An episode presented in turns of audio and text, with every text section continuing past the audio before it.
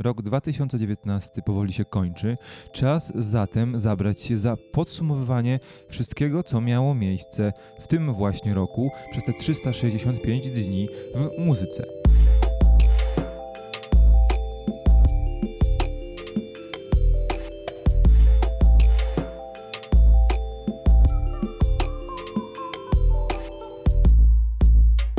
Witam Was serdecznie w szóstym odcinku podcastu Pana od Muzyki, tym razem takiego troszeczkę innego niż dotychczas, bo porozmawiamy sobie nie z konkretnym artystą lub przedstawicielem branży muzycznej, ale z kolegą, pasjonatem usiądę i porozmawiamy sobie o tym wszystkim, co wyda wydarzyło się przez ostatni rok, przez ostatnie 12 miesięcy. E, to jest podcast, w którym podsumujemy sobie albumy, epki, nadzieje, gwia potencjalne gwiazdy, które wybuchną e, za moment i porozmawiamy sobie na tematy związane z trendami i zmianami, które być może będą miały miejsce w przyszłości w przemyśle muzycznym, albo będą miały, jesteśmy tego pewni. Witam bardzo serdecznie, cześć. Moim gościem, moim gościem w tym odcinku jest Michał Rypel, który jest prezenterem, ma swoją audycję w studenckim radiu Luz we Wrocławiu. Jest też człowiekiem, który pomaga artystom zbierać szlify, bo jest organizatorem i współorganizatorem koncertów. E, artystów niezależnych. Przywitaj się, cześć. Cześć wszystkim. E, bardzo mi miło tutaj być, szczególnie, że e, to podsumowanie roku 2019 przy okazji jest e, takim symbolicznym zakończeniem dekady w muzyce, więc tym bardziej duża przyjemność nie tylko mówić o tym, co było, ale też o tym, co może będzie. Tak, no to e, zanim e, zabierzemy się za pierwszy segment, jeszcze słowem wstępu, bo próbowałem Cię przedstawić, trochę mi to ślamazarnie wyszło, więc proszę, Michale, powiedz, czy miałem rację. E, tak, zdecydowanie. Miałeś rację ze, ze, wszystkim, co powiedziałeś. E, w Akademickim Radiu Luz e, mam audycję Obliczam Muzyki. Skupiam się tam na artystach, którzy działają solo, którzy tworzą muzykę, no cóż, autorską. To jest taki roboczy termin. Oprócz tego gdzieś tam staram się być promotorem tej muzyki we Wrocławiu. Organizuję, współorganizuję koncerty. Przy tym także działam na terenie swojego osiedla Księże Małe.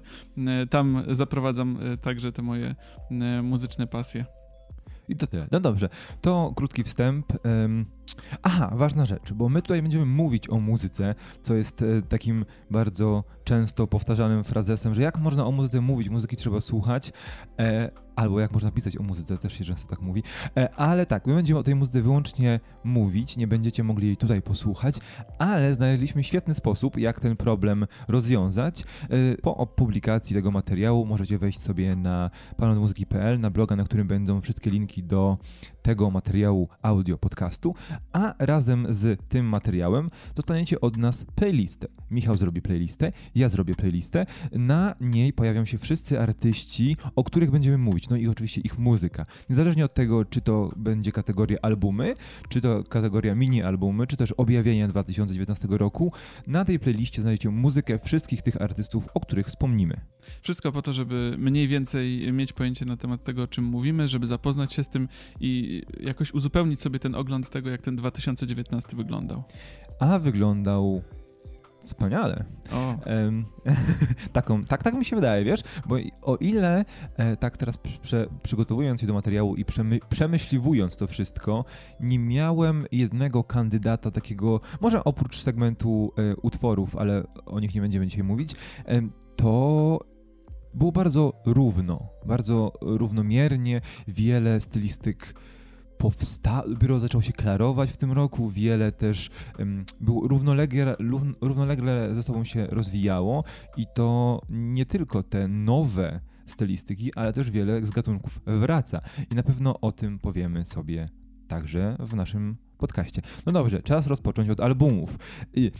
Zastanawialiśmy się, jak ugryźć ten temat, żeby was zainteresować i trzymać w skupieniu do końca, więc postanowiliśmy, wybraliśmy po pięć płyt, um, ułożyliśmy je miejscami od miejsca piątego do pierwszego, bo czemu nie? I zaczniemy od miejsca piątego. Najpierw Michał opowie o swoim miejscu numer 5, później ja zrobię to samo i przejdziemy do miejsca numer 4. Bardzo dobry z ciebie gospodarz, że pozwalasz mi zaczynać tak y, od razu, ale cieszę się, bo y, będę mógł od razu powiedzieć o albumie, który no, poruszył mną y, nawet bardziej niż poprzednik od tego artysty, mianowicie Sandy Alex G, House of Sugar.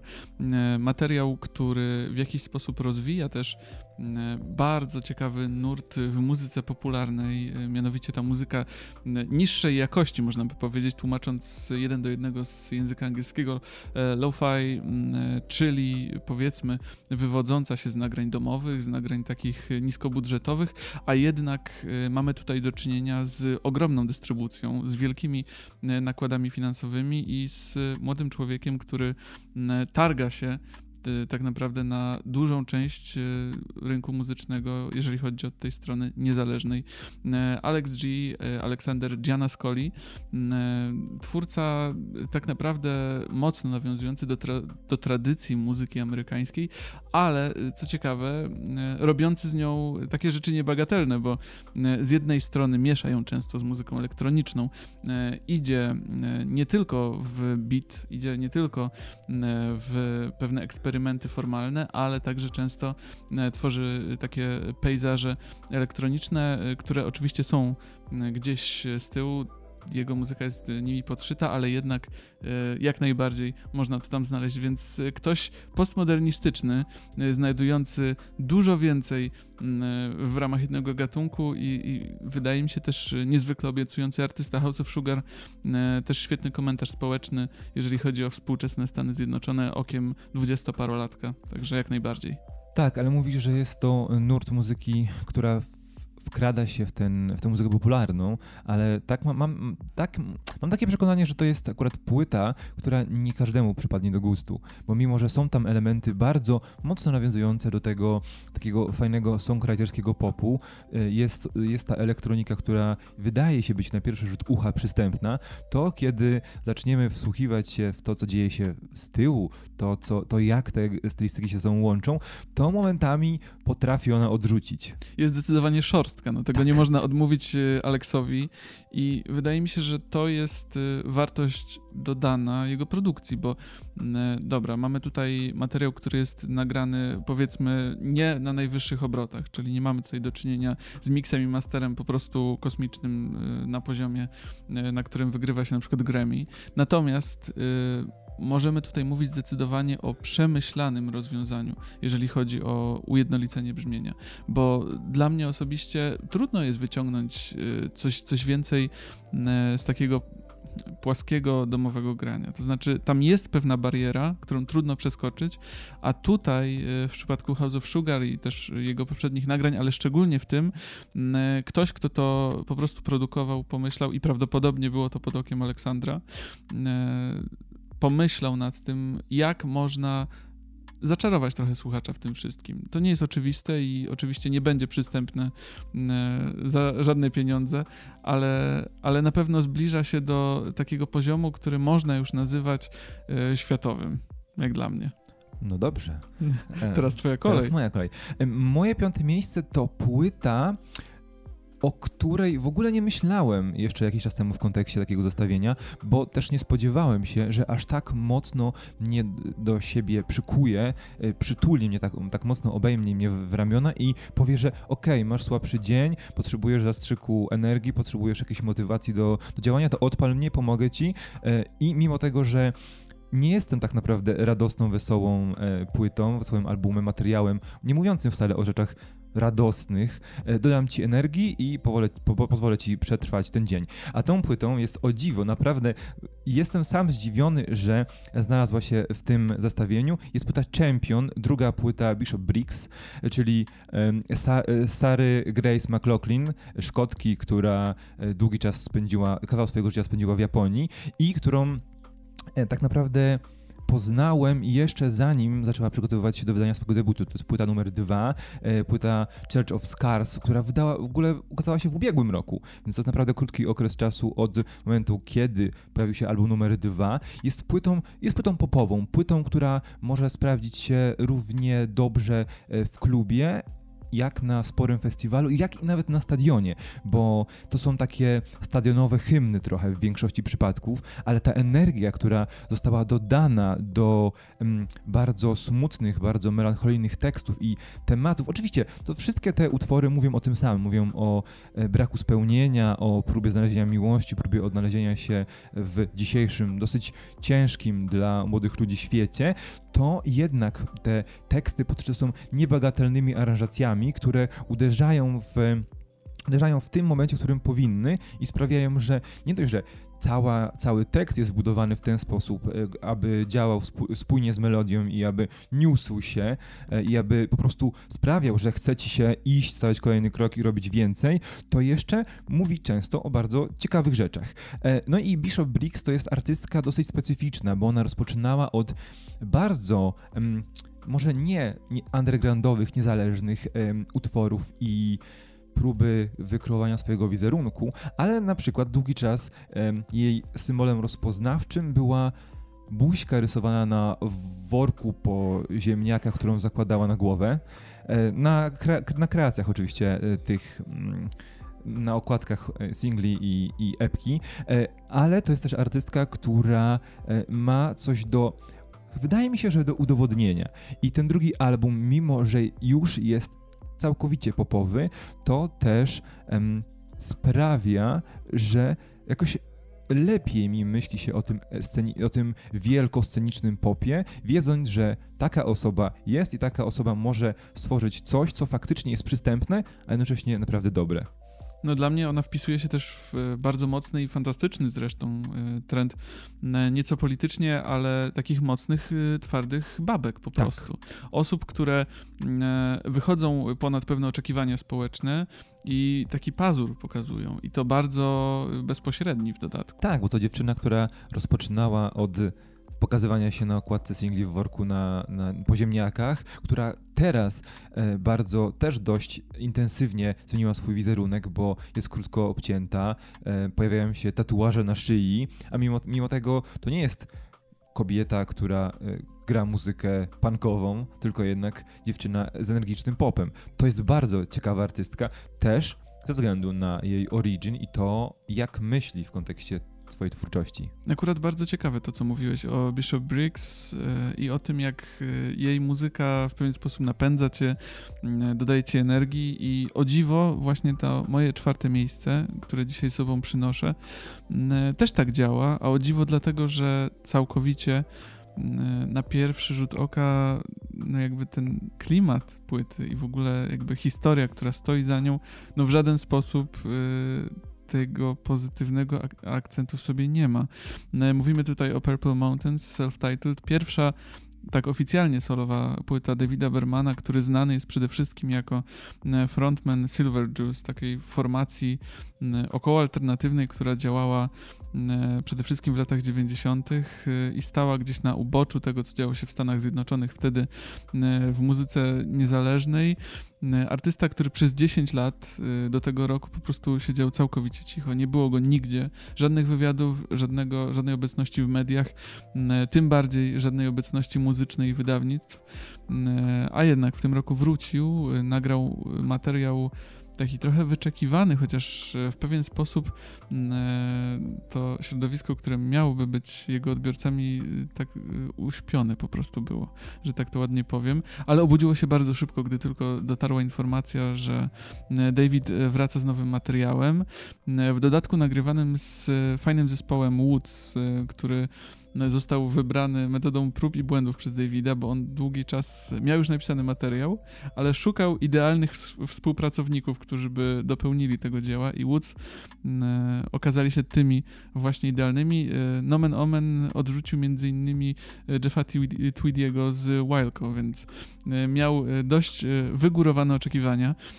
Ostatecznie materiał, który w pozytywny sposób, e, w taki pełen światła opowiada o czymś, co tego światła w sobie nie ma, mianowicie o problemach psychicznych, o depresji, o czymś, co ostatecznie Davida pokonało, a jednak on znajdował w tym taką codzienność i taką prawdziwość.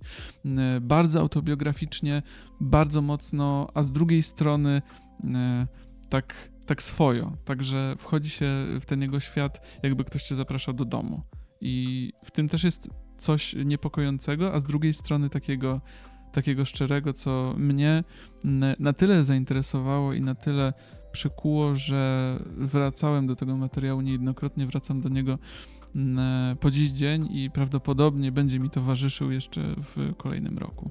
A czy to był taki poukładany dom, który słucha się od deski do deski i wszystko w nim jest gra jak powinno, czy to jest dom bardzo chaotyczny, który byłby związany bardzo mocno z tym, w jakim stanie znajdował się wówczas artysta? No właśnie, o dziwo, tutaj mi to absolutnie nie pasuje, bo mamy człowieka, który jest zwichrowany e, i zniszczony przez, e, przez życie, a jednak ten materiał jest niezwykle spójny.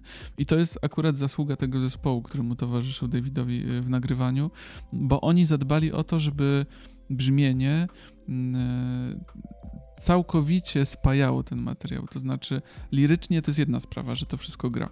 Ale, ale brzmienie absolutnie to jest, yy, powiedzmy, że jak dobra lektura. Moje czwarte miejsce jest troszeczkę podobnym przypadkiem, jeśli chodzi o tę spójność, która nie powinna w ogóle mieć miejsca, bo jest to połączenie tylu różnych stylistyk i e, gatunków muzycznych w jedną całość, a jednocześnie jakoś działa. Moim czwartym miejscem jest druga płyta zespołu Hobo Johnson, The Fall of the Hobo Johnson. E, jest to druga płyta, która ukazała się we wrześniu, a pierwsza płyta, The Rise of the Hobo Johnson, miała swój debiut w 2017 roku. Hobo Johnson to projekt głównie Franka Lopeza Jr., czyli Amerykanina z latynoskimi korzeniami, który jest dość takim, e, jest młodym człowiekiem, ale on jest chyba takim produktem właśnie tej, e, znaczy nie jest produktem, bo on jakby jest bardzo antyestablishmentowy w swoim e, postrzeganiu muzyki i też opowiadaniu w muzyce o tym, o, jakie ma poglądy, ale on jest takim produktem naszych czasów. Jest młodym człowiekiem, który wychował się na telewizji, wychował się z internetem, social mediami, telefonem i to wszystko bardzo mocno reflektuje, e, jakby jest przerzucone na jego twórczość, bo mimo, że ma dwu, swoich dwóch e, współtowarzyszy broni w tworzeniu muzyki, to ta płyta jest ewidentnie wszystkim tym, co Hobo Johnson, e, czyli Frank Lopez Jr., miał do powiedzenia. Jest to płyta niezwykle niespójna, która jednocześnie tworzy jakąś taką śmieciową, szaloną, chaotyczną, piękną, spójną całość, bo znajdujemy tam post-punka, dużo mocnego, agresywnego e, rocka, jest e, R&B, są bardzo soulowe elementy. Ten, to R&B wchodzi w takie elementy bardzo urban, które zahaczają prawie o rap. Teksty dotyczą tego, co by zrobił, gdyby był milionerem, e, tego, jak mocno kocha i kogo kocha. Jest nawet jeden utwór a cappella, który opowiada w domyśle o, o tym, jak rządzi krajem Trump, ale opowiada o historii ewolucji mm, gatunku, który wywodzi się z jedno, bakterii jednokomórkowych na dnie morza, które przejmują świat. To jest po prostu tak szalony, tak szalona płyta, ale ją się słucha jak spektakl, jak to musical podzielony na akty, e, każdy akt opowiada inną historię, nie tę samą, inną, zupełnie inną historię, ale na końcu każdy z nas może wyciągnąć te same wnioski. I to jest płyta, która nie spodziewałem się, że w ogóle trafi do mnie tak mocno, bo e, ja Hobo Johnson poznałem dopiero w tym roku. I to za sprawą właściwie ich duetu. Duetu z artystką Elohim, którą obserwuję od jakiegoś czasu i gdyby nie e, ten wspólny utwór, to ja nie miałbym pojęcia, że zespół taki jak Hobo Johnson istnieje do dzisiaj prawdopodobnie. A jestem wdzięczny za to, że udało mi się ich poznać. Hobo Johnson, y, bo mówiłeś z jednej strony o soliście, a z drugiej y, używasz y, słowa zespół. Czy tam tak. jest y, tak, że to jest taka kooperacja jakaś większa? Y, tam jest trzech artystów, y, którzy właściwie są kolegami chyba bardzo długo, bo to też ta kwestia tego, że to jest zespół, ale to Frank w nim, w nim rządzi, to jest poruszona w tekstach. To są chyba kumple z sąsiedztwa, którzy znają się bardzo długo i jakoś tak wyszło, że jeden z nich jest wokalistą, jeden jest perkusistą, a jeden gitarzystą. I jakoś tak połączyli siły i, i zadziałało. No tak, no czasami y, z przyjaciółmi założyć zespół, no to brzmi jak, jak... Marzenie. Tak, zdecydowanie jak marzenie. Mm, ja tymczasem o osobie, która y, była przez bardzo długi czas utożsamiana w zasadzie z instytucją, z zespołem, mm, z pewnym tworem, który nie miał jednej osobowości tak naprawdę. Mm, Steven Malkmus, y, artysta, który jest tak naprawdę twarzą ruchu indie rockowego w Stanach Zjednoczonych. Ponownie, wcześniej mówiłem o innym, o innym tuzie muzyki alternatywnej, który wydał w tym roku płytę. No i jego skądinąd bardzo dobry kolega, Steven Malkmus z formacji Pavement. Pavement to jest ikona brudnego grania w Stanach Zjednoczonych, ikona lat 90. E, później Steven, e, kiedy już zakończył e, swoją działalność razem z tą formacją, pracował jeszcze jako Steven Malkmus and the Jigs. No i tutaj także mamy jego, ale to oczywiście chodzi o pracę zbiorową. No i ci Jigsowie, jego przyjaciele z nim bardzo długo pracowali. Tymczasem on gdzieś pod tym wszystkim pracował nad czymś własnym, nad czymś najbardziej swoim, jak tylko może być, nad czymś, co od A do Z stworzył nie tylko pisząc, nie tylko produkując, ale przede wszystkim grając na wszystkich instrumentach, a tym na jego najnowszym albumie nie brakuje Groove the Night, który też skomentował bardzo śmiesznie, bo w jednym z wywiadów ktoś go zapytał o ten tytuł. On powiedział, no wiesz, ja przez całą swoją karierę, tych parędziesiąt lat, nie byłem za bardzo groovy. No i to jakby ma całkowicie adekwatny sens, bo to jest człowiek, który nigdy nie miał do czynienia z E, czymś skocznym. On nigdy nie starał się robić rzeczy skocznych, wręcz przeciwnie, jak najmniej skoczne, jak tylko się da. E, Groove the Night e, potwierdza całkowicie jego słowa, ale też jest pewnym podsumowaniem długiej kariery, w której z jednej strony rządziła muzyka e, gitarowa spod znaku brudu, spod znaku fazu, a z drugiej strony jego fascynacje, o których mogliśmy nigdy nie wiedzieć. Otóż e, on bardzo ukochał sobie muzykę elektroniczną związaną z, e, z Berlinem, czyli z takim ośrodkiem, który jest kojarzony z techno, z rytmem 4 na 4 z czymś, co może być industrialne i tam także znajdziemy tego rodzaju wtręty, które są bardziej smaczkiem, bardziej takim nadmienieniem tylko, o co może w tym wszystkim chodzić, ale e, razem z tym, czego możemy się po nim spodziewać, tworzą taką niezwykłą całość e, i też piękną klamrę dla tych wszystkich, którzy śledzą jego karierę od bardzo dawna, bo jest to taki ukłon w stronę fanów, ale z drugiej strony coś świeżego, zatem bardzo trudna rzecz do osiągnięcia, szczególnie mając za sobą już mm, no powiedzmy, epizody, kiedy ludzie mówią o tobie, że jesteś ikoną. Więc żeby wyjść z tej formy ikony, która jest bardzo ograniczająca, trzeba mieć w sobie dużo odwagi i takiego animuszu. Ale wiesz, to też jest bardzo ciekawe z perspektywy tego, że chciało mu się próbować stworzyć coś nowego i wyjść poza te schematy, które określały i być może też trochę um, krępowały go przez lata, tylko po to, żeby dać swoim fanom, słuchaczom muzyki coś, co naprawdę można było powiedzieć, że jest jego, a jednocześnie jest czymś nowym w kontekście muzyki, stylistyk, które, wokół których się obracał. No tak, i w ogóle on walczył o ten materiał, bo za pierwszym razem, kiedy on przyszedł z Groove the Night do wytwórni, to oni powiedzieli, nie, wiesz co, niespecjalnie. Wydaje, mi, wydaje nam się, że to nie jest raczej twoje, to nie jest ten styl i może poczekajmy, wróć do nas, zobaczymy. No i on wrócił. I potem się okazało, że to już jest nagle dobry czas, żeby to wydać. Aha, czyli widzisz, czyli mimo, że jest legendą, ikoną, to nie uniósł się dumą i nie powiedział, że jak wy mnie nie chcecie teraz, to już nigdy nie będziecie mogli mieć mojego materiału, ale przeczekał, wrócił. Ale widzisz, to bardzo, bardzo rozsądny człowiek. No taki się wydaje, mimo że y, wygląda i zachowuje się w wywiadach jak taki dojrzały i lekko siewiejący nastolatek. Taki Tony Hawk wśród y, rockmenów. Okej, okay, czyli teraz moje miejsce numer 3. E, jest to na tym, długo się, długo się zastanawiałem, ten artysta w tym roku wydał właściwie trzy płyty. Wydał płytę razem z Sion i Diplo jako LSD, stworzył całą muzykę do serialu HBO Euphorii, e, a później, na samym końcu, tak jakby od niechcenia, wydał swój drugi, po długiej przerwie, po siedmioletniej przerwie, album studyjny. Mowa o Labyrynfie i jego e, albumie, który ma dosyć długą nazwę, właściwie składa się z dwóch części, bo jest to płyta Imagination and the Misfit Kid. Jest to płyta niezwykła, bo jest to płyta wyprodukowana znakomicie, bo Labyrinth też słynie chyba obok Ludwika Gurensona jest chyba jednym z tych rozchwyt, najbardziej rozchwytywanych artystów, którzy wyprodukują wszystko i za każdym razem będzie stał to na wysokim poziomie.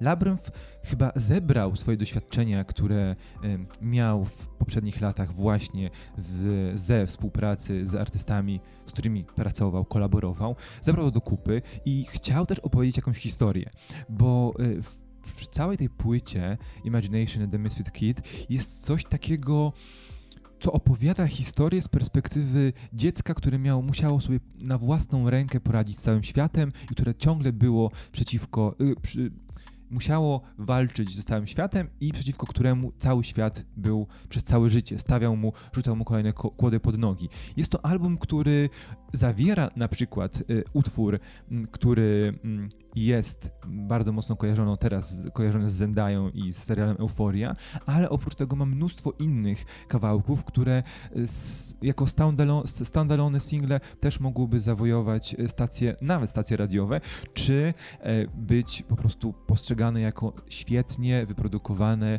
z utwory, które zostaną z nami na lata.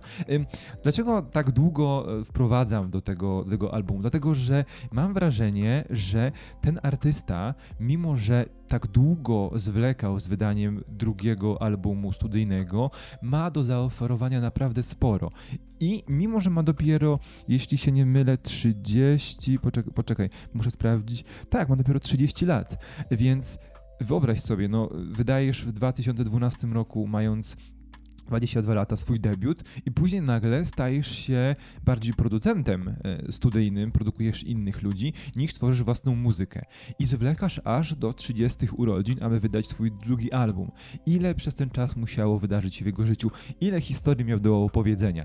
I wydaje mi się, że większość z tych historii pojawia się właśnie na tej płycie, która zdecydowanie jest płytą, którą trzeba chociaż raz przesłuchać w tym roku.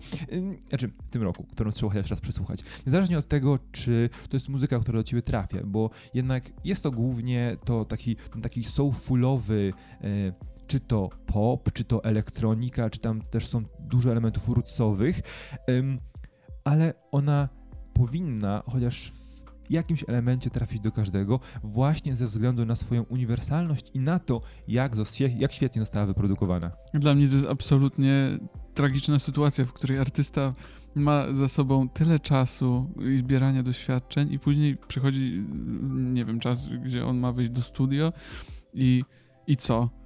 I, I co ja mam teraz napisać? Tyle rzeczy się wydarzyło. Ja mam zrobić z tego trzy albumy, mam zrobić jeden, ale mam czegoś się pozbyć z tych historii. W jaki sposób opowiedzieć tyle życia tak naprawdę? No to jest niesamowite. Mógłby na przykład zrobić film, nagrać płytę, napisać książkę i to by pewnie nie wystarczyło. Ej, to mój plan na życie. Proszę mi go nie kraść. Tak, ale to, to, to jest fakt. I wydaje mi się, że mm, najlepszym elementem tej całej historii jest to, że ona ma swoją stylizowa swój stylizowany klimat. To nawet też widać w wideoklipach do niektórych utworów, bo on postawił na na przykład na wideoklipy rysowane, które mają opowiedzieć jakąś historię i to też bardzo mocno, bardzo mocno i bardzo dobrze współgra z tym, jak ja odbieram tę płytę, jako taką trochę baśniową historię, taką trochę brudną, gangsterską historię, gdzie Labyrinth odgrywa główną rolę. No cóż, yy, powiem ci, że teraz czuję się dość poważnie, bo zbliżamy się do yy, tych najważniejszych yy, cyferek. Dwójka. Dwójka tym razem. U mnie Angelo de Agustin e, z albumem Tomb, e, który no, załapał się do tego roku rzutem na taśmę, ale nie dlatego, że zostaje wydany teraz w grudniu, tylko że po prostu na samym początku stycznia się ukazał, więc e, niemal jeszcze w 2018 Angelo de Agustin, artysta, który kojarzy się większości osób i całkiem słusznie z muzyką na przykład Safiana Stevensa. Jest to zdecydowanie ta sama półka, z tym, że właśnie Safian Stevens lubi e, dużo bardziej podkolorować swoją muzykę. E, często bawi się formą, e, wychodzi ze strefy komfortu i prezentuje swoim fanom pewne wizje, które czasami e, są zabarwione nawet muzyką właśnie e, syntezatorową, taką czasami tak jak The Age of Oz. Na tym albumie po prostu zaszalał i tego na pewno nie spodziewalibyśmy się po Angelo Di Agustin, ponieważ jemu bliżej jednak do tego Carrie Lowell, do materiału, który jest komfortowy, przyjemny, budzący skojarzenia z takim z takim domowym ciepłem albo z dobrym przyjacielem, który przychodzi opowiedzieć ci co u niego po długiej rozłące.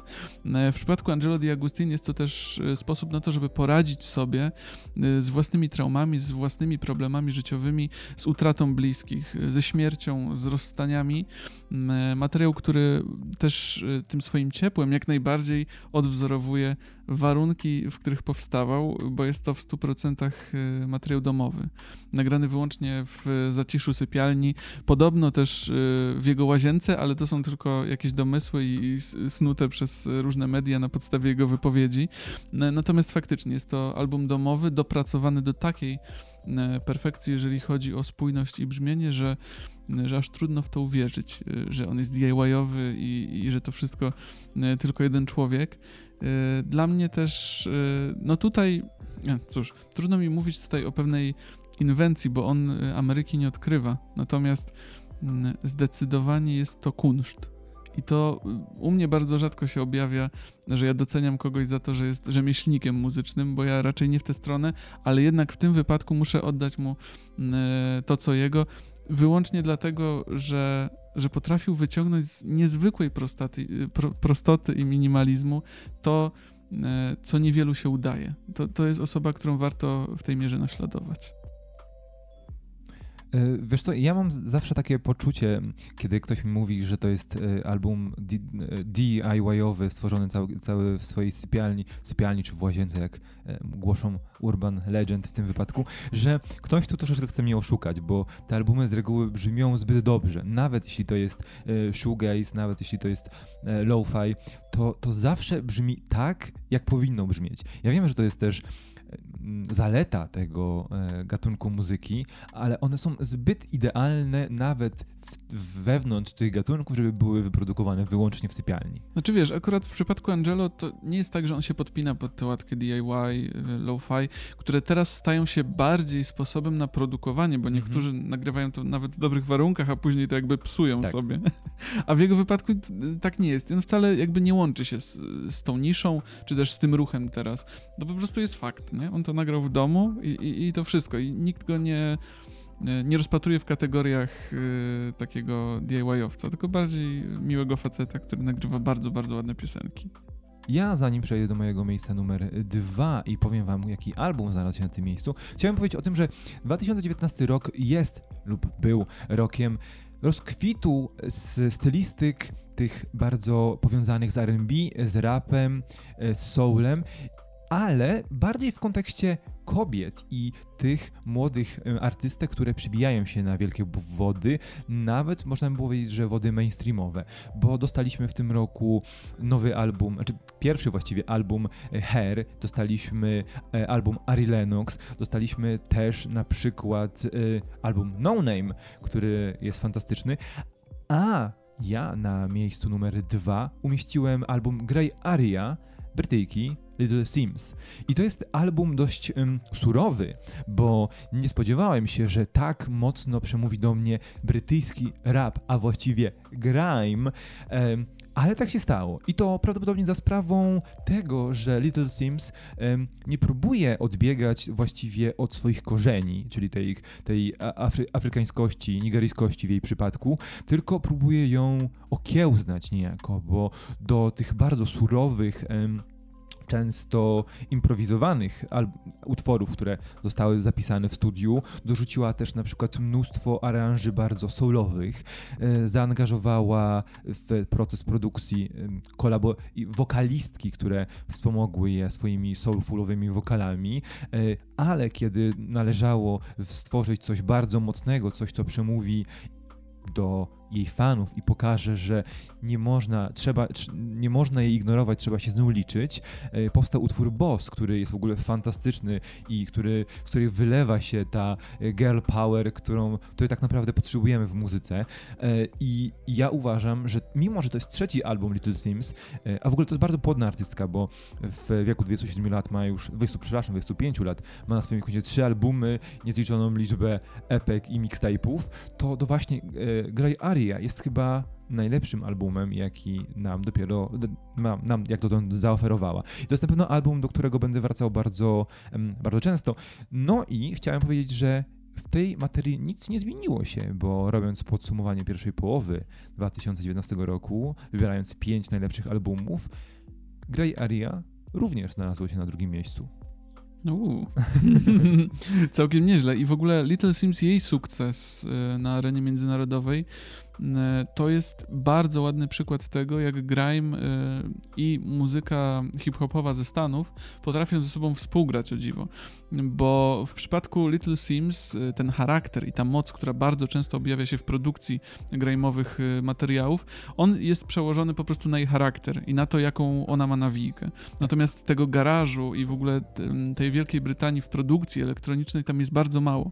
Gdy popatrzymy na przykład na Skeptę albo Stormziego, oni lubią dużo bardziej zabawić się tą produkcją, co e, stawia większą e, kreskę między Wielką Brytanią a Stanami, a w jej przypadku e, ona po prostu widzi trochę szerzej, mam wrażenie.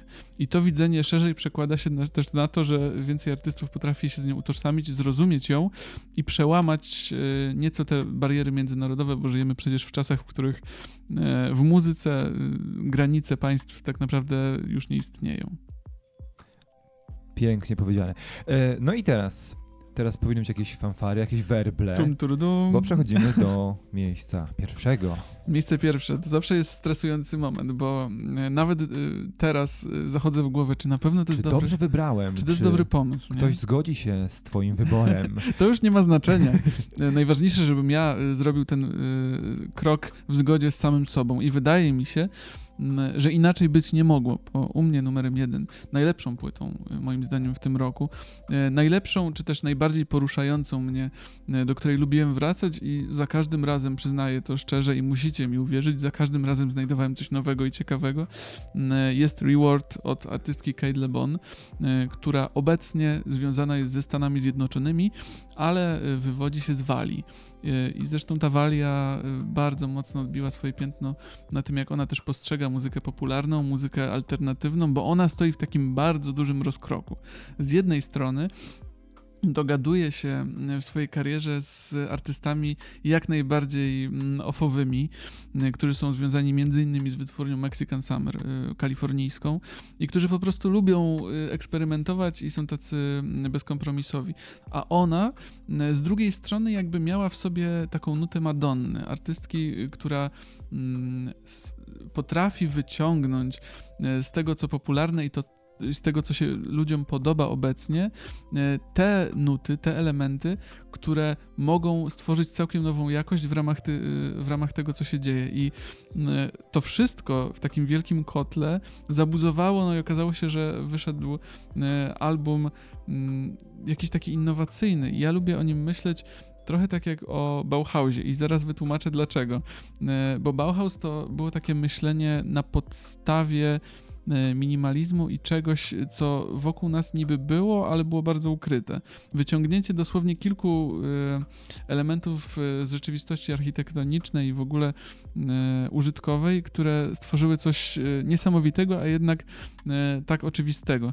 I w tym wypadku Kate LeBon robi w zasadzie to samo, ba, bazując też na architekturze i też na sztuce użytkowej, bo tak jak przyznawała, jest to materiał stworzony na bazie jej powrotu do Walii, do Wielkiej Brytanii, podczas którego głównie tworzyła meble.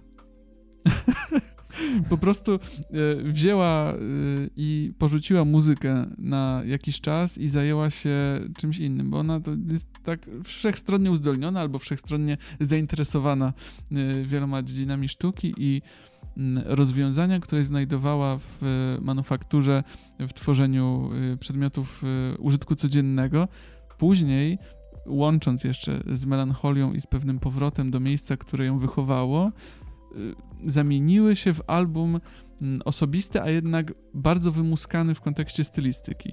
Bo to jest tak, jakby ktoś chciał powiedzieć o sobie jak najwięcej, a jednak używać wyszukanych słów. To zawsze wychodzi trochę y, pokracznie, a w jej przypadku wyszło po prostu nietypowo, mogę to tak nazwać. Nietypowo na tyle, że można doszukiwać się tutaj nawet tropów bardzo awangardowych w tworzeniu, w songwritingu i w ogóle w, jakby w tworzeniu persony muzycznej. Zatem za, ten, za tę innowacyjność zdecydowanie to pierwsze miejsce w jej wypadku i za taką bezpośredniość może w tym, że, że, że tak się otworzyła z tym swoim pochodzeniem. Ale to jest bardzo holistyczne podejście do tworzenia muzyki, no bo inspiracje, które można czerpać z najzwyklejszych czynności, najzwyklejszych przedmiotów, które otaczają, otaczają cię codziennie, a jednocześnie nadawać im nowe znaczenie i inkorporować do swojej twórczości tak, aby faktycznie tworzyły coś innowacyjnego. Bo my bardzo często mówimy w tej naszej rozmowie, używamy słowa innowacyjność, słowa świeżość, e, ale to tak musi być, bo jeśli coś nie jest innowacyjne, nie próbuje powiedzieć nam czegoś nowego, no to nie może być dobre tak naprawdę. Bo odtwarzanie ciągle tych samych schematów jest nudne i to widać, szczególnie właśnie w muzyce popularnej.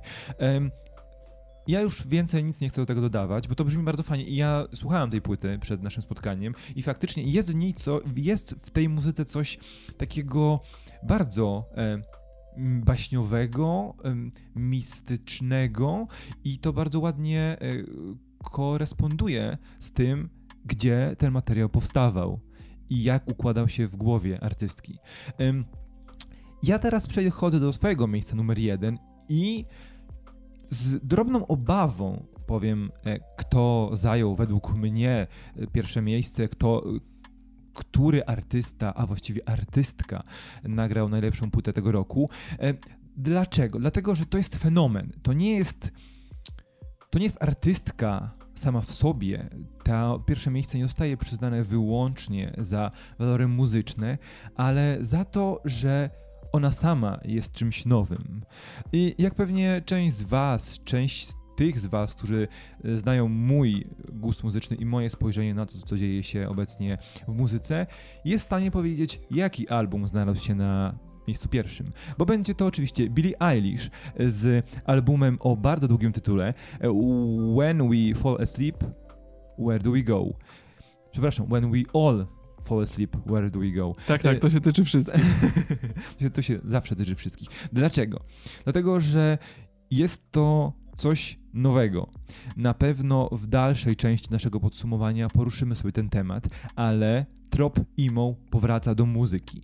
I jest to emo nie rozumiane w kontekście lat 90., mimo że okazuje się, że Billie Eilish jest kumpelą z Avril Lavigne, um, tylko emo rozumiane w kontekście milenialsów i pokolenia Z czyli zupełnie różne obawy, zupełnie inne oczekiwania w stosunku do życia, do tego, jak powinno przebiegać nasze życie. I te wszystkie obawy wypowiadane, padające z ust niespełna 18-letniej dziewczyny, e, która ma tareta, która nie krępuje się, e, nie próbuje ukrywać tego, kim jest, nie próbuje dostosowywać się do norm panujących w, w branży muzycznej i w ogóle norm społecznych, która jest lekko dziwna, która może wydawać się niektórym troszeczkę pretensjonalna w swoim obyciu, być może taka jest faktycznie, która jednocześnie bardzo dobrze reprezentuje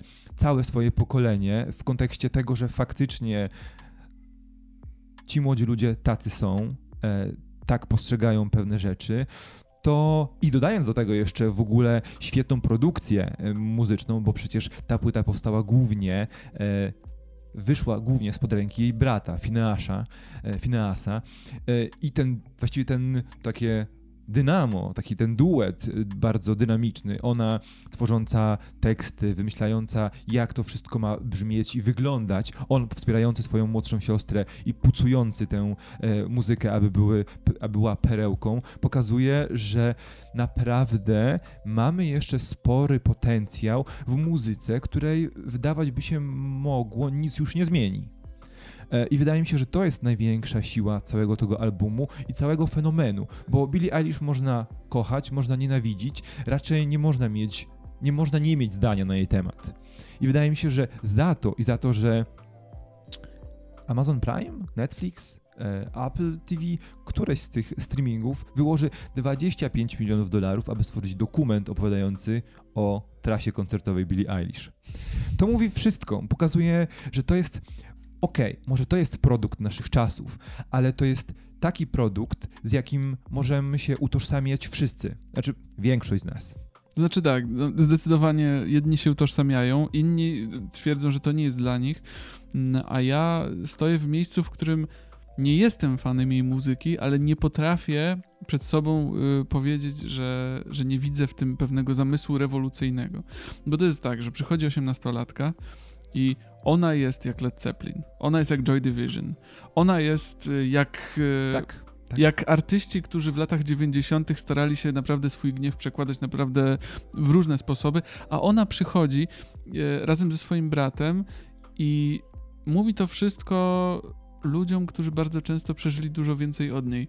I to też bardzo zgrabnie i w bardzo ładny sposób z, z, z, zgrywa się z tym, e, co wiele osób sądzi też o milenialsach, czy też postmilenialsach.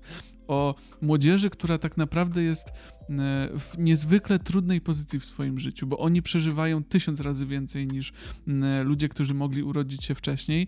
I tylko z tego powodu, że są po prostu medialni od urodzenia, że tak powiem. I ta medialność jej ona ją obejmuje. Ona wcale się jej nie boi, nie. mimo to, że może y, pokazywać, że to jest y, groźne, że to jest niebezpieczne, ale ona ją obejmuje, przytula i mówi: Jestem z wami. Słuchajcie, jakby oglądacie mnie w Apple TV, będziecie mnie oglądać na Netflixie, gdziekolwiek. Ja jestem tutaj i teraz. I ja jestem całkowicie stworzona z tego wszystkiego. No to jest piękne. No i mamy to. 10 albumów, dwóch facetów, którzy uważają, że znają się na muzyce. Miejsca 5, 4, 3, 2 i 1. Razy 2 oczywiście. Skąd ty to wziąłeś, że się znam na muzyce? że wydaje nam się, że się znamy na muzyce.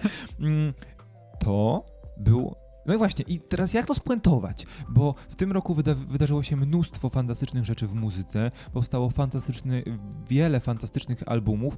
My musieliśmy się w pewien sposób ograniczyć i tak mamy już za sobą prawie 50 minut rozmowy, e, więc Michale, jak chcemy to podsumować? Może, może tak, że to y, były oczywiście nasze najlepsze typy.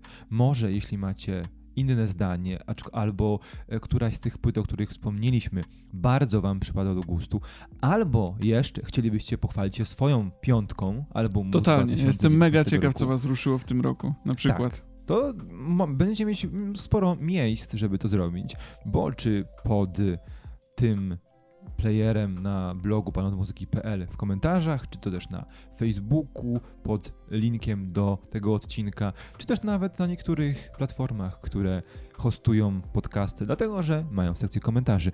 Nie krępujcie się, możecie też e, napisać mi maila, na przykład na kamilmałpa.panonmuzyki.pl. Możecie odezwać się do Michała i powiedzieć mu, co sądzicie o jego piątce, gdzie mogą cię szukać? Facebook oblicza muzyki. Jak sobie wpiszecie, to na pewno mnie znajdziecie i bardzo chętnie z wami porozmawiam o tym, co wam się podobało, co wam się nie podobało w 2019 roku. Dla mnie z tego miejsca tylko powiem takie małe moje podsumowanie.